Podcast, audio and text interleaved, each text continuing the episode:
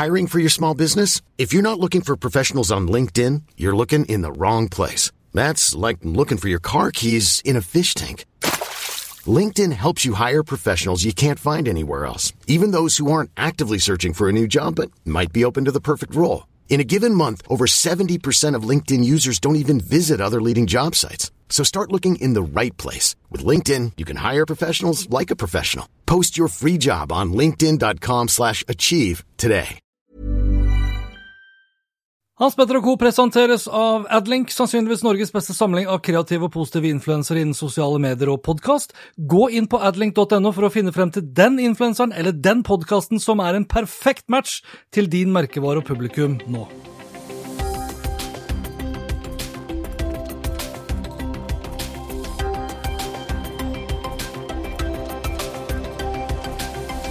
I denne episoden her så skal det handle om sikkerhet og personvern, nærmere bestemt om eh, Norges Smittestopp-app og videokonferansetjenesten Zoom. Velkommen til Hans Petter og co. Jeg heter Hans Petter, og denne episoden ble spilt inn mandag 20. april. Lenker til alt jeg har snakket om og øvrige innslag finner du som vanlig på hanspetter.info.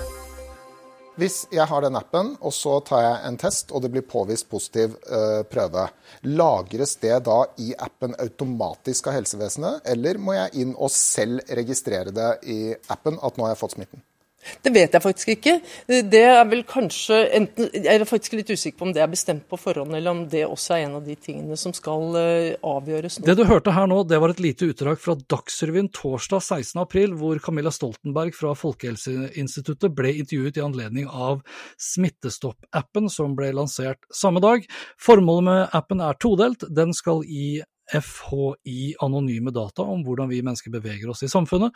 I tillegg så skal den gi oss brukere et varsel om vi har vært i nærkontakt med koronasmittede. I løpet av kort tid så har nærmere halvannen million nordmenn lastet ned appen, men vil appen fungere som tiltenkt, og kan vi stole på at våre folkevalgte ikke vil misbruke dataene de samler inn om oss?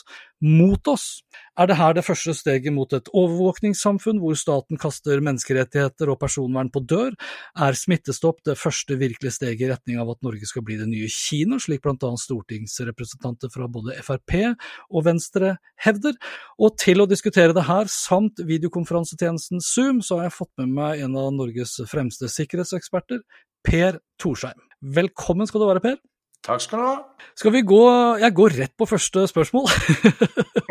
hva, hva, er din dom over smittestopp, og har den endret seg fra liksom lansering og til vi snakker med hverandre nå i dag? Eh, synet mitt på Smittestopp-appen har endra seg siden den ble lansert eh, torsdag. På torsdag så var min prediksjon at mindre enn 20% kom til å installere den. Mm. Uh, og jeg sa da at jeg tror ikke appen kommer til å fungere for noen av de formålene som er satt opp, nemlig å varsle deg mot nærheten av noen som har covid-19, og det å kunne studere hvordan folkemasser uh, beveger seg. Jeg har allerede tatt feil, det er mer enn 20% som har installert. Men uh, jeg sa da òg at jeg valgte å installere på tross av at jeg ikke har troen, fordi det er bedre at vi gjør noe enn ingenting. I dag blir egentlig dommen litt mer i retning av at vet du hva, jeg har blitt mer skeptisk. Jeg er fortsatt ikke bekymra for sikkerheten av personene Det er dårlig i appen, så det kan jeg si med en gang. Men jeg klarer ikke helt å se for meg, eller for de fleste, verken trusselen fra staten eller fra fremmede aktører som skulle klare å finne ut av at jeg faktisk stort sett har sittet, hjemme de siste 30 dagene. Nei, altså, Jeg så han godeste Bruce Schreiner, ja. Eh, som er en sånn verdenskjent uh, sikkerhetsekspert. Han mente at hele appen var fullstendig meningsløs. Uh, men det, altså det, hvis vi tar liksom first thing first, når det kommer da til personvern, hva, hvor godt er vårt eget personvern ivaretatt i Smittestopp-appen? Eh, eh, det er, jeg vil si at det er dårlig ivaretatt sammenlignet med andre helsetjenester som er på markedet i dag, både private helseaktører og det som vi også har fra staten. Oi, Men hva er det som gjør det dårlig? Eh, eh, det er den hastejobben som har blitt gjort. Husk nå på at denne appen har kommet opp på banen, blitt utvikla så langt jeg vet, fra bunnen av av Simula som underleverandør til FHI i løpet av eh, få dager, kanskje en uke eller, eller to. Og det er en rekke grunnleggende svakheter her i henhold til anbefalinger fra Datatilsynet, Digitaliseringsdirektoratet og Nasjonal sikkerhetsmyndighet, som andre eh, helseapper osv. har ivaretatt, men Smittestopp mangler. Altså, jeg leste en sak her på Medium fra Trond Arve Vasskog. Og han eh, skriver at han ikke vil bruke appen fordi han ikke har tillit til FHI. Eh, han skriver at de har valgt dårlige rådgivere. Er det da Simula? Oppdragsgiverne til FHI har mistet gangsynet, de overkjører personvernet og har tatt tilliten hans for gitt. Altså, han hevder jo at Simula ikke forstår verken personvern eller moderne programvareutvikling. Du kan vel ikke være mer kritisk enn en det, omtrent? ja, eh, det, det, det, er en, er en, det, er en, veldig hard kritikk. Men debatten som har rast gjennom helgen, og jeg har også da selv uh, uttalt bl.a. til VG at jeg, har, jeg kan liksom ikke huske å ha blitt utsatt for, for mer eh, personkarakteristikker og, og, dårlig omtale enn i løpet av de par-tre siste dagene. Og nok en gang uh, det blir, en, det blir en, blanding her av, av, ulike konsepter og teorier og konspirasjonsteorier osv. rundt sikkerhet og personvern som man må oppklare eh, grundig. Det er et grunnleggende menneskerettighetskrav på at man skal ha rett til privatliv. Og Da må vi minne nok en gang alle på at det er helt frivillig å installere appen. Så ble det f.eks. i eh, VG i går, søndag, eh, så kom det en artikkel om dette, hvor man da sa at ja, det vil kunne være mulig for totalt fremmede å oppdage om du, dersom du kommer i nærheten av de, altså da prater vi fem til ti meter kanskje, så vil det være mulig å oppdage hvorvidt du har Smittestopp-appen installert eller ikke. Og, og, og, og, det var alvorlig. Og det tenker jeg, Hva i all verden er alvorlig med det? Du kan bare spørre vedkommende. Har du appen installert, ja eller nei?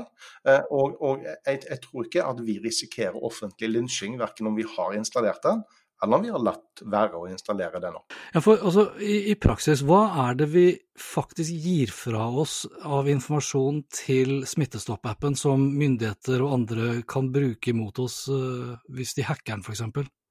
Eh, hvis du mot formodning skulle få diagnosen at du har covid-19, ja. Eh, og du da finner på å bevege deg ut blant folk og ikke fortelle folk at du er syk, eh, så kan da myndigheter finne ut at du bryter smittevernlovgivningen. Og andre som du kommer i nærheten av, de vil da kunne bli klar over at du har covid-19. Og ja, i, i, i verste tilfelle så kan jo de finne på å gå til angrep mot deg. Ja, sånn, ja. Eh, okay. Det, det, er det ene. Det andre er jo dette med hvor du har vært i det siste. Nå tror jeg vel at begge vi to vi har vel jevnt over ikke beveget oss så forferdelig mye i det siste. eh, og, og, da tror jeg jo at akkurat den informasjonen der om, om hvor vi har befunnet oss, for de aller fleste av oss her i landet, så tror jeg ikke jeg sliter voldsomt med å se at det skal være informasjon som kan bli utnytta av kriminelle og fremmede stater. Det er klart, Bor du på hemmelig adresse og er på kode 6 i Nav, eller om du jobber i Etterretningstjenesten, så er det klart at det er ikke noe lurt å installere den appen. Men det er heller ikke noe lurt å være på Facebook eller Google, TikTok eller Snapchat heller. Faktisk vil jeg si at det er mye, mye verre og større fare for at man skal finne deg eh, via de kanalene, enn vi har smittet. Ja, for altså, det, her, det du sier nå, har, jeg har jo også brukt det som argument, i likhet med fryktelig mange andre, og så får jeg tilbake om at det her er stråmannsargumenter. At mm. uh, man, uh, man, i større grad bør frykte den type form for personinformasjon man gir fra seg til myndigheter, enn til sosiale medieaktører. Mm. Og jeg kan jo være enig hvis man bor da i et regime, men i liksom verdens, et av verdens mest demokratiske land, så har jeg litt vanskeligheter for å tro at Erna Solberg eller andre plutselig skulle gå tilbake og si at ok, nå skal vi virkelig bruke den her for alt hva det er verdt. Da. Altså I Polen for eksempel, så må man på deres smittestopp-app, hvis vi skal kalle det det, så må man jo ta selfie av seg selv og sende over appen som bevis på at man holder seg inne. Her er det jo her er det nesten sånn at den informasjonen som de henter inn, og forutsetningene for å hente det inn, er jo såpass lite at den blir kanskje i større grad egentlig meningsløs. Ref han godeste Bruce også, som du også hadde vært inne på i VG her, med at eh, man må jo være innenfor to meters avstand, eller i hvert fall cirka, da, og da i 15 minutter for at det skal klassifiseres. Og det, det er jo ikke ofte man er så lenge sammen med noen som man da ikke nødvendigvis er sammen med døgnet rundt? Nei, det er jo helt klart at du, du har helt rett i det du sier der.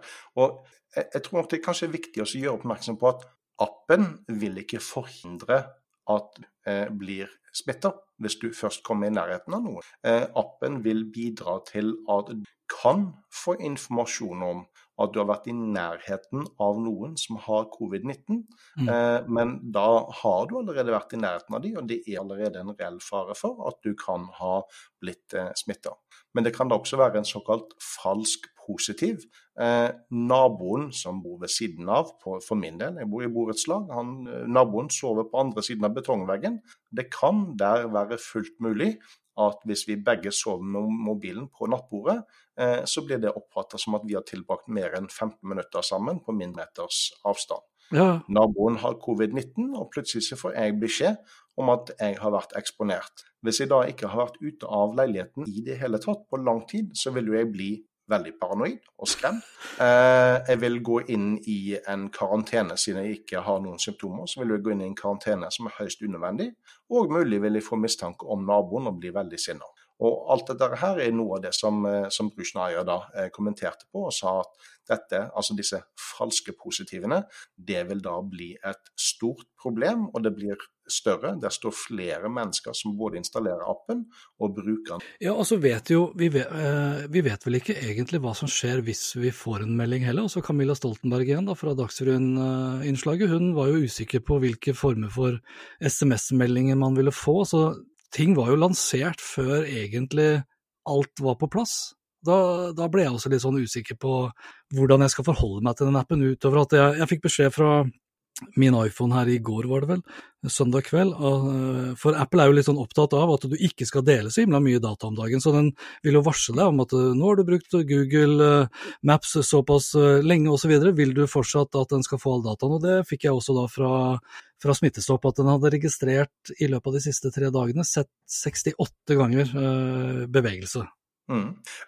Nå skal jeg si det. Jeg, jeg, jeg, bruker, jeg har iPad og jeg har iPhone, og jeg eh, liker også økosystemet til Apple. Eh, og jeg vet at du òg er vel en fan eh, av Apple-løsninger, Hans Petter. Eh, og nå skal jeg da skremme deg litt. Grann. for jeg tror ikke du er klar over at iPhonen din via Bluetooth så sender den ut meldinger helt fullstendig kontinuerlig om hva telefonen driver på med. Den sender ut melding om skjermen din er skrudd av, om du er på låseskjermen, eller om du er på hjem-skjermen. Den kringkaster også via blåtann om du er i en inngående eller utgående samtale. Og det skjer helt kontinuerlig. Så hvis du da installerer Smittestopp-appen i parallell, eh, og den ligger bak og da f.eks. kringkaster at si, du har covid-19, eller den kringkaster da bare disse meldingene som sier hei, jeg er telefon til Hans Petter, og nå har du vært i nærheten av meg så og så lenge. Kombinasjonen av de to opplysningene som telefonen din da sender ut, kan gjøre det veldig enkelt, eh, tror vi, for dette er ikke blitt testet ennå, til å kunne identifisere deg i form av ditt telefonnummer, som da er i nærheten av meg. Om du har covid-19 eller ikke, eh, vil da òg igjen kunne legge til en sensitiv opplysning. Jeg, jeg sånn, jeg, nå prøver jeg å være, jeg prøver å være litt sånn positiv, så tenker jeg ok, hva er farlig med det egentlig? Ja, Som sagt, dette er et trygt land. Eh, og jeg, jeg, jeg er selverklært artist og har vært det siden jeg var liten. Eh, og jeg, jeg, jeg, har litt lyst til å tro på julenissen, men jeg kan si dette høyt og tydelig. Jeg tror på kongen. Jeg tror på det demokratiet som vi har i Norge. Og jeg er helt sikker på at dersom nå regjering skulle finne på eh, å gi politiet eller Nav eller tolletaten eller hvem det skulle være, adgang til disse posisjonsdataene, så kommer valget, neste valg, det kommer til å svinge kraftig i favør av det som i dag er opposisjon. Eh, det tror jeg. Ja. Eh, det virker òg eh, som at folk nå i denne debatten her har fullstendig glemt at teleoperatørene de logger i dag hvor vi beveger oss, basert på mobiltelefonbruken vår, og bare det. I, i Teleoperatørene de tilbyr tjenester i dag hvor du som stat, eller som om si, Hans Petters eget firma, kan kjøpe en tjeneste fra de, hvor du kan få se bevegelse av folkemasser, men selvfølgelig basert på anonyme data. Og Så kan vi da diskutere hvor anonyme de er, men sist jeg sjekka, så var det da at eh, det må være minst 20 personer til stede før du får vite at her er en gruppe med mennesker som består av 20 mennesker eller mer. Vi ser også ut til å ha glemt at politiet og andre offentlige myndigheter i dag, de kan for det første så kan de da enten påberope sin nødrett, for noen har forsvunnet og man frykter for liv og helse, eller de kan gå til retten i forbindelse med en kriminalsak, og der få tillatelse til å be teleoperatørene om å spore én person. Eller de kan også be om å få vite hvem har vært innenfor et definert område og et definert tidspunkt med mobilen sin. Baneheia-saken var en av de sakene hvor da dette ble kjent at dette var kunne gjøre. Jeg er glad for at politiet har den muligheten, men det følger en demokratisk prosess hvor rettsvesenet må gi tillatelse, og teleoperatørene må også gå til sin eh, instans igjen, som står over seg. Det er vel Nasjonal kommunikasjonsmyndighet i dag, som da også skal gjøre et tak fra taushetsplikt for å utlevere disse dataene. Jeg er uendelig glad for at de har den muligheten, og jeg er også tilsvarende uendelig glad for at den demokratiske prosessen er på plass og for alt jeg vet, ser ut til å fungere. Men det virker som folk har glemt akkurat nå. Det, det som er litt spesielt, syns jeg, med, den, med, med, dagens diskusjon rundt denne Smittestopp-appen, og, og, som ikke nødvendigvis bidrar til, til, en konstruktiv dialog, det er jo da f.eks. at Venstre og Frp kaller det her for Kina-appen, og, og, hevder at staten legger opp til en total overvåking. Og så får du da, på toppen av det, så får du eh, redaktører i noen av de største norske netta, nettaviser, og aviser for øvrig, da, til, som advarer da sine journalister mot å installere det. Og du sa jo innledningsvis også at du hadde opplevd personkarakteristikker på Twitter som ikke nødvendigvis var, var av beste sort. Det blir jo en sånn veldig polarisert debatt som kanskje ikke går dypt nok i materien før man bestemmer seg for om det her er bra eller ikke. Altså, er det, er det bra at vi, at vi blir eh, veldig opptatt nå av å diskutere personvern, men har liksom folk flest kunnskap nok til å ta den diskusjonen? Jeg tror nok alle i hvert fall har en mening. det, er ingen tvil om. Så, så det, det, er det jo ingen tvil om her. Eh, og Sånn sett så er jeg også veldig glad for at, for at egentlig så mange som mulig involverer seg. fordi det spiller ingen rolle om man, om man kan jussen eller man kan teknologien her, men det er bra at man har en mening. fordi man blir da også, eh, bevisst eller ubevisst, også nødt til å sette seg mer inn i temaet, og det er positivt. Eh, I demokratiske, eh, fine Norge som vi bor i, så også her kan eh, folk flest definitivt lære litt mer om personvern. Vi har jo også denne, og det er jo selvfølgelig en, på en måte så blir det litt flåsete, men det er et snev av alvor i det òg. Det at man sier at eh, Smittestopp-appen er den nye Kina-appen, og jeg regner med at dette har de skrevet både på Twitter og på Instagram og på Facebook. Eh, og de har gjort det fra mobiltelefonen sin, som er produsert av én eh, av to eh, eller tre telekom- og datainnsamlingsgiganter i verden, som jobber utelukkende ut ifra kommersielle hensyn. Så det er jo en, er jo en ironi her. Ja. Men det er klart, vi skal være alvorlige òg. Husk tilbake til debatten rundt datalagringsdirektivet. Det gikk jo definitivt en kulde varmt hos veldig mange da. Eh, direktivet ble stoppa, og jeg er en av de som var kritisk, og jeg mener definitivt at det var bra at det ble stoppa. Ja, det, men, men, men, det var jo det var noe helt annet det var snakk om å lagre av data i, i det direktivet versus Smittestopp-appen, og det var jo langt fra så mange mennesker som engasjerte seg i den eh, diskusjonen ja. versus dagens diskusjon. Ja, absolutt. Og eh, eh, datalagringsdirektivet den vil lagre all informasjon eh, om hva du gjorde på nett, men den vil jo ikke da lagre data om hvor du beveger deg. Så det er klart at om du da besøker tante og onkel eller det ekskluderte fetteren din som er blitt ekskludert fra en religiøs organisasjon, eller om du besøker elsker eller elskerinne, det vil det da ikke nødvendigvis bli plukket opp av datalagringsdirektivet. Men Smittestopp-appen den vil da lagre så lite informasjon om deg. Det er liksom dette med eh, hvor du har beveget deg, og litt informasjon om hvem du har møtt. Men de du har møtt, det er da de du har møtt i mer enn 15 minutter på mindre enn to meters avstand. Ja. Og de, OK, greit, så er det kanskje andre, men for min egen del så vil jeg påstå at i løpet av de siste 30 dagene så er det fryktelig få mennesker som jeg har tilbrakt mer enn 15 minutter med på to meters avstand. Så i så måte så vil de dataene der være eh, av liten interesse for kriminelle. Ja. Eh, og så er det jo sånn at vi, vi ser jo òg nå at korona og covid-19 blir utnytta av kriminelle i høy fart, i stor skala. Og det øker eh, også, ifølge alle myndigheter osv. Og, så videre, og, og kommersielle organisasjoner. Det er svindelmetoder som fungerer allerede. Og da blir det jo litt sånn Hvorfor skulle da økonomisk motiverte hackere bli interessert i å så hacke den særnorske løsningen vi har lagd, eh, som, som, da igjen så langt ca. en million nordmenn har lasta ned, ikke nødvendigvis installert og tatt i bruk, men lasta ned, eh, for å se om det er mulig å oppnå økonomisk eh, vinning på bakgrunn av hvor folk har beveget seg. Det er en svindeltype vi har sett før, og som du kan gjøre på bakgrunn av folks Instagram-konto, som også avslører hvor de har vært og Instagram er åpent. Jeg kan jo bruke din Instagram mot deg og så se Oi, se her, jeg vet at du var på seilbåtferie i Hellas i forfjor, Hans Petter.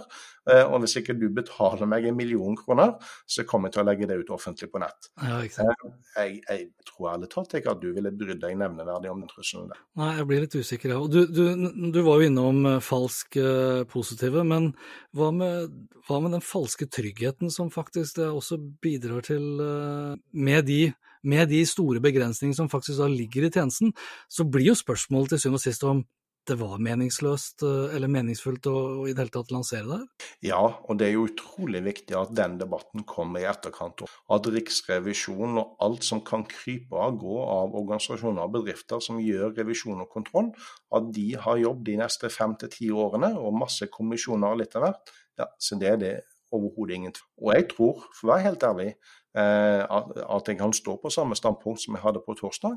Jeg tror ikke at denne appen dessverre vil gi i nærheten av den nytteverdien, om noen i det hele tatt, som man håper på.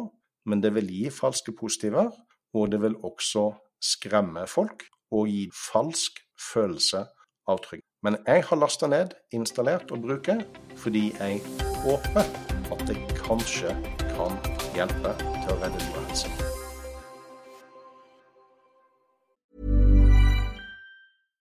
My business used to be weighed down by the complexities of in person payments.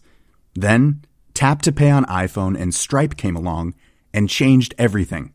With Tap to Pay on iPhone and Stripe, I streamlined my payment process effortlessly. Now I can accept in person, contactless payments right from my iPhone. No extra hardware required. What's truly remarkable is how I can cater to all of my customers' payment preferences. Whether they're using cards, Apple Pay, or other digital wallets, Tap to Pay on iPhone and Stripe ensure a smooth checkout experience every time.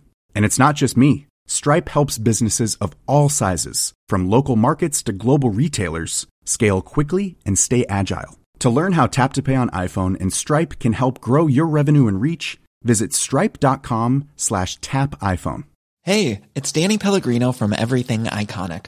Ready to upgrade your style game without blowing your budget? Check out Quince. They've got all the good stuff, shirts and polos, activewear and fine leather goods, all at 50 to 80% less than other high-end brands. And the best part? They're all about safe, ethical and responsible manufacturing. Get that luxury vibe without the luxury price tag. Hit up quince.com slash upgrade for free shipping and 365 day returns on your next order. That's quince.com slash upgrade. Zoom has revolutionized the way teams communicate. Whether you're connecting multiple conference rooms or meeting with attendees from their desktop or mobile devices, coming together face to face is as simple as a single touch.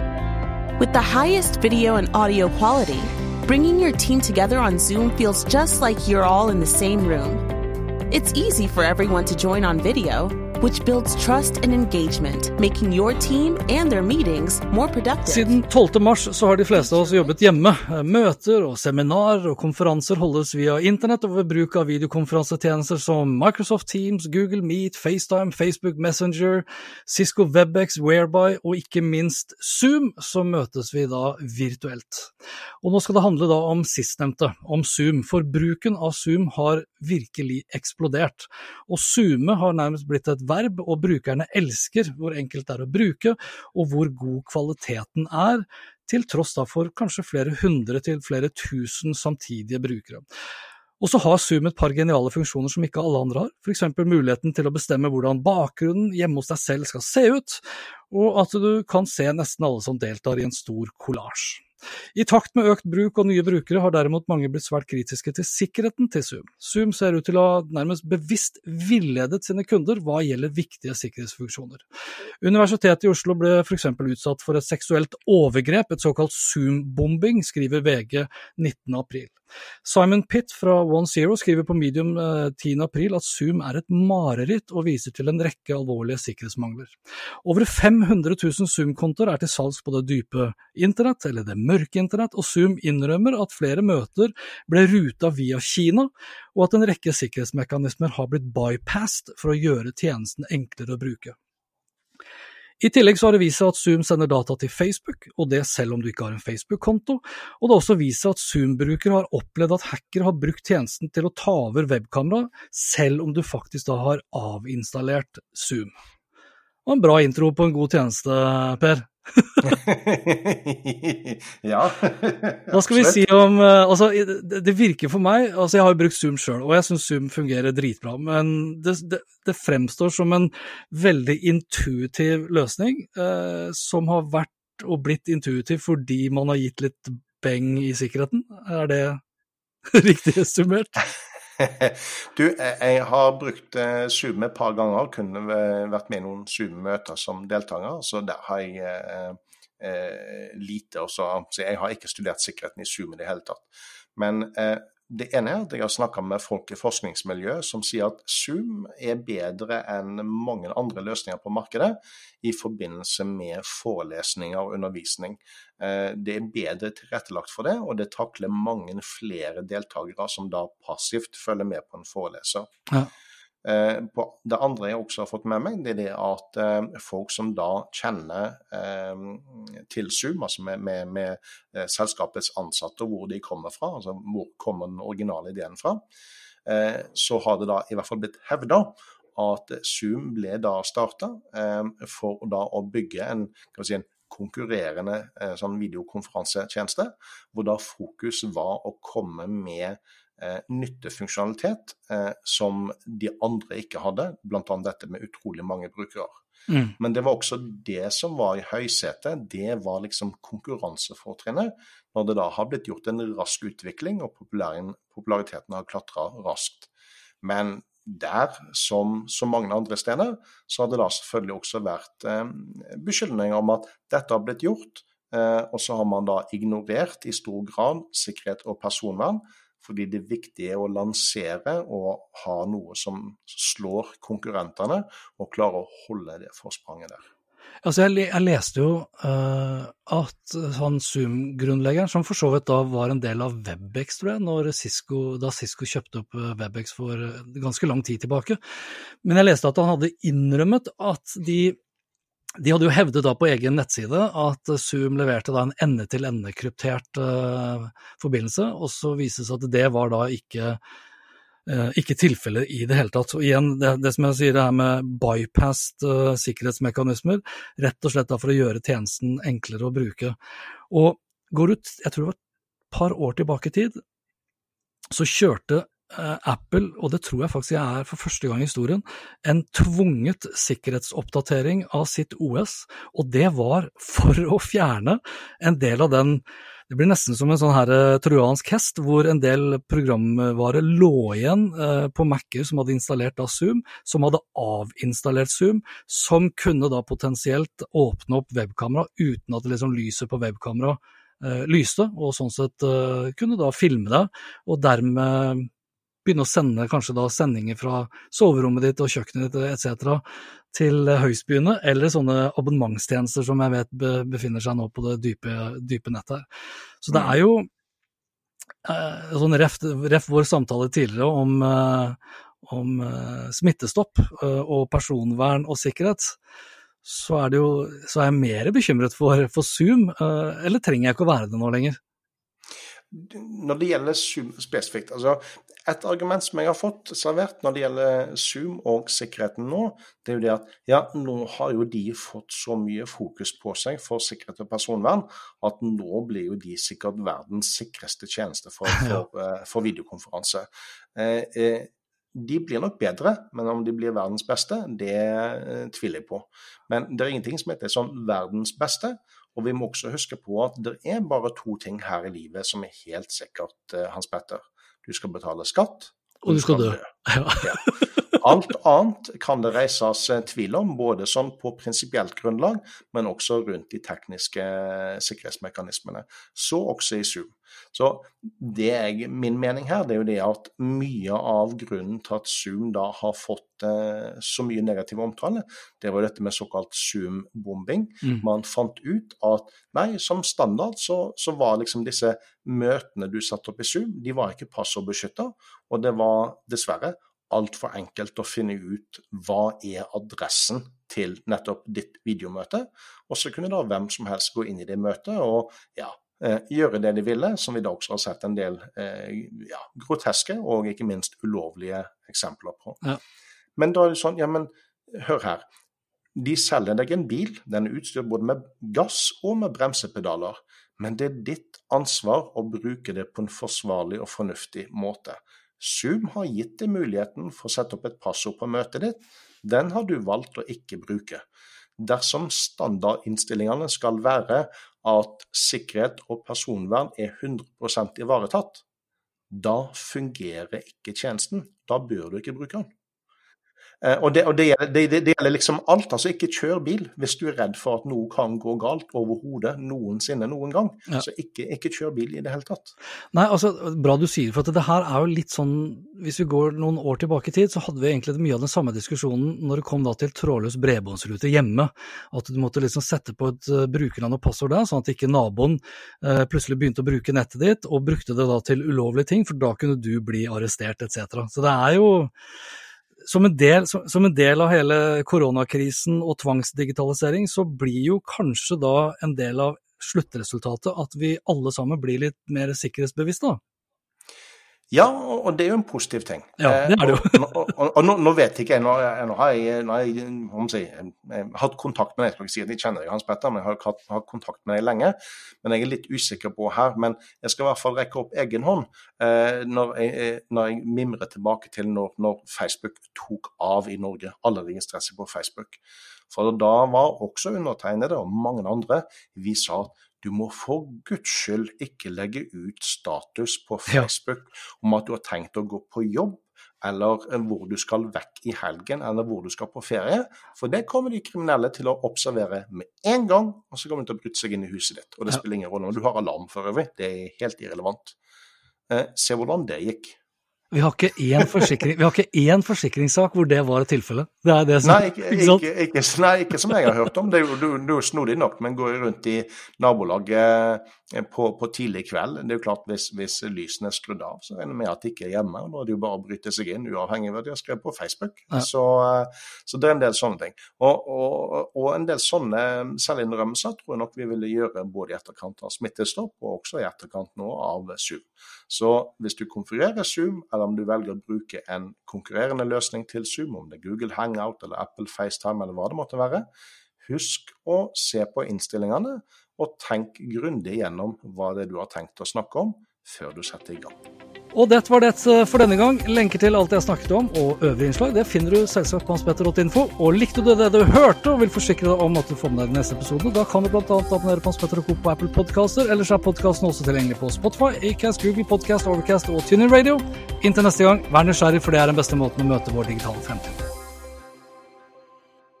Hans Petter og Co. presenteres av Adlink, sannsynligvis Norges beste samling av kreative og positive influensere innen sosiale medier og podkast. Gå inn på adlink.no for å finne frem til den influenseren eller den podkasten som er en perfekt match til din merkevare og publikum nå. My business used to be weighed down by the complexities of in person payments. Then, Tap to Pay on iPhone and Stripe came along and changed everything. With Tap to Pay on iPhone and Stripe, I streamline my payment process effortlessly. Now I can accept in person, contactless payments right from my iPhone. No extra hardware required. What's truly remarkable is how I can cater to all of my customers' payment preferences. Whether they're using cards, Apple Pay, or other digital wallets, Tap to Pay on iPhone and Stripe ensure a smooth checkout experience every time. And it's not just me. Stripe helps businesses of all sizes, from local markets to global retailers, scale quickly and stay agile. To learn how Tap to Pay on iPhone and Stripe can help grow your revenue and reach, visit stripe.com/tapiphone. Why don't more infant formula companies use organic, grass-fed whole milk instead of skim? Why don't more infant formula companies use the latest breast milk science? Why don't more infant formula companies run their own clinical trials? Why don't more infant formula companies use more of the proteins found in breast milk? Why don't more infant formula companies have their own factories instead of outsourcing their manufacturing? We wondered the same thing. So we made ByHeart, a better formula for formula. Learn more at byheart.com.